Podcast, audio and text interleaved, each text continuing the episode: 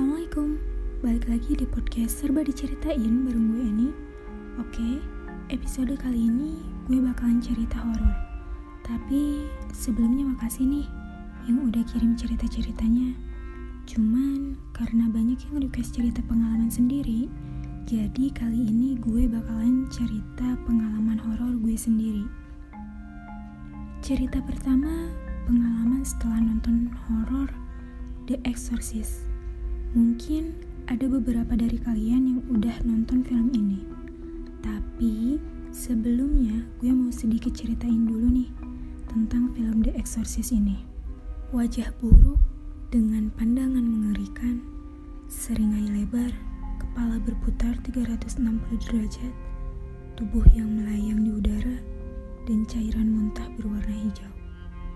Hingga saat ini, Film The Exorcist yang dirilis tahun 1973 ini masih bikin merinding orang yang bernyali melihatnya. Fakta mengerikan dari film ini, film ini membawa pengaruh yang kuat kepada banyak penonton di bioskop. Pada penayangan perdananya, film ini membuat geger karena para penontonnya histeris, berteriak-teriak, seperti halnya kerasukan setan tim paramedis pun dipanggil untuk mengobati penonton yang jatuh pingsan atau keluar dari bioskop sambil berteriak histeris. Dan dilaporkan beberapa orang pingsan, muntah-muntah, bahkan setidaknya ada satu wanita hamil yang mengalami keguguran. Wah, gila kan? Emang film ini tuh kesan seremnya dapat banget. Nah, sekarang kita lanjut ke cerita pengalaman gue habis nonton film The Exorcist ini. Awalnya tau film ini dari Kanesi Judge, tahu kan? Yang stop senyum-senyum, sit about to go down. Yang neroris pasti tahu dong. Nah, jadi setelah gue nonton YouTube-nya bareng temen tentang film ini, gue jadi penasaran nih dan ngajak teman-teman buat nonton filmnya. Awalnya baik-baik aja, tapi ya tahulah ya, kalau nonton horor itu mata ditutup tangan, tapi masih kelihatan gitu filmnya. Ceritanya nonton sampai selesai. Waktu itu, kalau gak salah ada tujuh temen gue yang nonton bareng di kosan. Cewek semua ya. Ya terus, pas selesai nonton, kan rebahan tuh. Ada yang main handphone, tiduran, Nah, ada salah satu temen gue, sebut aja namanya Siti. Nah, si Siti ini cerita kalau tadi pas gue sama yang lain lagi tidur, dia ke toilet. Tapi pas di toilet, kerannya nyala sendiri. Padahal belum dia putar tuh kerannya. Terus dari dalam toilet, si Siti ini dengar ada suara yang lagi pada ketawa-ketawa. Dan itu jelas banget Suaranya si Eni, katanya gitu. Ya sontak, gue ikutan kaget lah. Dan pas dia keluar, ternyata gue sama teman-teman yang lain masih pada tidur. Bisa dibayangin kan gimana kagetnya dia. Hari berikutnya, gue lagi main di kosan lagi nih. Cuman bertiga.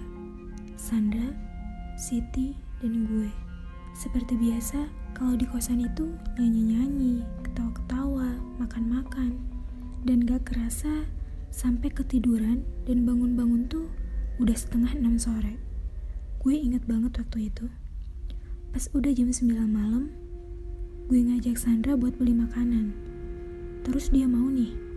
Pas gue baru aja keluar tutup pintu kosan, tiba-tiba ada suara orang yang lagi nangis. Parah. Itu suaranya nyaring banget. Orang yang nangis itu serasa kayak di pinggir gue.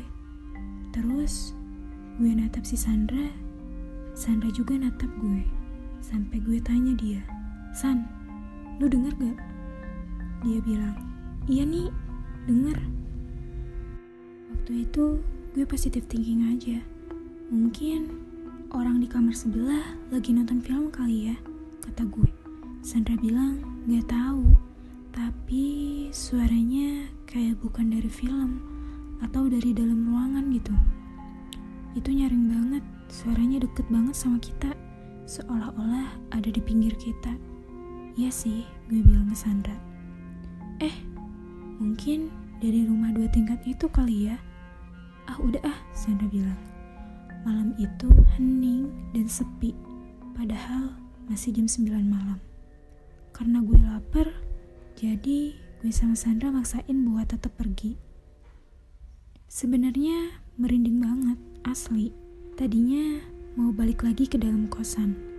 Tapi tiba-tiba ada bapak-bapak lewat depan kosan dan Sandra bilang, "Eh, itu ada bapak-bapak. Ayo cepet, kita bareng dia aja ke depan." Dan akhirnya kita jalan bareng bapak-bapak itu. Terus bapak-bapaknya kayak nyadar gitu kalau gue sama Sandra lagi ketakutan. Bapak-bapak itu tiba-tiba nanya setelah lewatin gang kosan. Eh, kenapa Neng? Gue jawab, enggak pak, itu tadi kita dengar suara orang yang lagi nangis. Udah gitu, dia nanya, di mana? Terus Sandra jawab, di situ, deket kosan saya pak. Suaranya cewek atau cowok? Kali ini gue yang jawab. Suaranya sih kayak cewek, Pak. Mungkin rumah dua tingkat yang di sebelah. Terus bapaknya bilang, di situ gak ada ceweknya. Langsung gue makin merinding dan ngelirik si Sandra. Kita beda arah sama bapak-bapaknya. Jadi kita pisah. Udah beli makanan, gue lari sama Sandra masuk ke kosan. Dengan suara terengah-engah karena kecapean. Dan setibanya di kosan, Siti yang lagi di dalam kosan, yang lagi dengerin musik, tiba-tiba langsung matiin musiknya. Terus Siti nanya, kalian kenapa? Langsung kita ceritain kejadiannya. Dan tiba-tiba Sandra ambil air wudhu dan ngaji. Gue sama Siti pun ikut ngaji. Pas kita bertiga lagi ngaji, awalnya biasa aja. Tapi makin lama Suara Sandra makin kenceng. Gue sama Siti yang dengernya langsung kaget dan langsung istighfar. Mana waktu itu sekitar jam 11 malam. Terus gue bilang ke Sandra, Woi, lu ngaji jangan terlalu kenceng, berisik tahu. Itu orang sebelah takut pada bangun gara-gara suara lu. Habis itu, Sandra bilang, Gak bisa, ini tuh susah. Gue bilang, lu tuh istighfar kalau lu kayak gitu, malah semakin menjadi-jadi. Terus, tangannya Sandra gak bisa diem. Dia gemeteran. Gue terus-terusan istighfar sama Siti biar Sandra bisa ngikutin kita buat istighfar. Abis itu, Alhamdulillah, Sandra udah seperti semula dan udah tenang. Dan selesai ngaji, kita semua diem. Gak ada yang bisa tidur. Tiba-tiba, si Siti nanya ke gue, Nih, lu denger gak pas kita lagi ngaji? Iya, gue denger. Tapi takutnya gue doang yang denger. Makanya gue gak bilang. Terus gue nanya balik ke si Siti. Emang lu denger apaan? Gue denger orang yang lagi ketawa depan kosan. Dan itu bener banget. Jadi waktu itu kita semua lagi ngaji. Ada suara yang lagi ngetawain kita Sumber suaranya serasa dari luar kamar, padahal pas kita sampai kosan, semua udah pada hening. Lampunya aja udah pada mati. Aneh banget. Tapi entahlah, takutnya cuman halusinasi atau perasaan kita aja. Tapi bisa kebenaran aja gitu. Cuman gue sama Siti yang ngerasain. Ada yang lagi ngetawain kita ngaji, tapi pas kita tanya Sandra, dia nggak ngerasa dan nggak dengar suara itu karena mungkin suara dia terlalu keras waktu dia ngaji. Di pagi harinya, pas waktu mau berangkat ke kampus, ternyata ada penghuni kamar sebelah yang kita kira sumber suara nangisnya itu dari kamar dia. Karena kita penasaran, jadi kita nanya orang itu, Kak maaf, semalam ada di kosan nggak?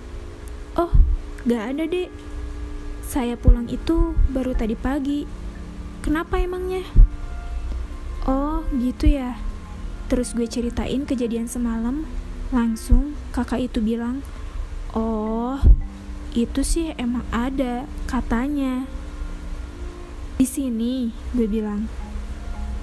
Iya, di sini. Tapi saya belum pernah ngalamin kejadiannya.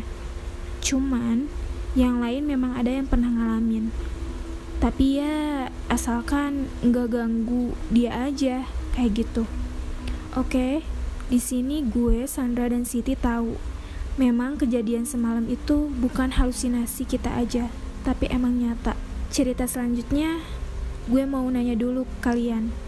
Pernah ngalamin gak di mana posisi kalian ini lagi tidur, terus tiba-tiba kalian bangun dan mata kalian terbuka. Kalian gak bisa digerakin sama sekali. Gue pernah ngalamin itu sendiri. Entah kenapa, itu rasanya mati banget. Sampai gue mau ngeluarin suara, coba buat buka mulut dan gerakin badan gue, itu susahnya minta ampun. Padahal posisi gue itu udah buka mata, udah bangun. Waktu itu lumayan lama, tubuh gue gak bisa digerakin. Pas udah bisa, gue langsung ambil air wudhu dan sholat. Gue pikir itu mungkin karena gue tidur gak baca doa. Tapi dengan kata lain, orang bilang itu ketindihan, entahlah. Dan gue sebenarnya sering parnoan juga kalau lagi di toilet lagi mandi, cuci muka. Ya, cuci muka gitu serasa ada yang lagi ngeliatin. Apalagi kalau di toilet yang ada kacanya. Gue lagi cuci muka, kan ngaca tuh. Pas gue lihat muka gue sendiri, awalnya baik-baik aja. Tapi lama-kelamaan, kok malah makin serem. Serasa di belakang ada yang ngawasin. Tapi di kaca gak ada. Sumpah, gue sering kayak gitu. Tapi semoga hanya perasaan gue doang. Oke, itu aja mungkin untuk pengalaman horor yang pernah gue alamin. Sebenarnya masih ada, cuman gue gak mau kelamaan. Ya takutnya yang denger ini ketiduran. nah, kalau kalian pernah ngalamin cerita horor apa aja nih? Boleh dong dikirim pengalaman horornya ke email gue anyfatma@gmail.com. Ya, kali aja ada yang ketagihan buat gue ceritain horor lagi. oh iya, mungkin itu aja untuk podcast kali ini. Sorry kalau podcast horornya kurang serem. Sorry juga kalau ada salah-salah kata atau ada nama yang kebetulan sama karena semua nama yang gue sebutin tadi itu bisa marin ya, jadi bukan nama asli mereka. Tapi itu murni pengalaman horor gue dan teman-teman gue. Oke, gue Eni pamit. Terima kasih. Hamsamida, arigato gozaimasu. Thank you. See you.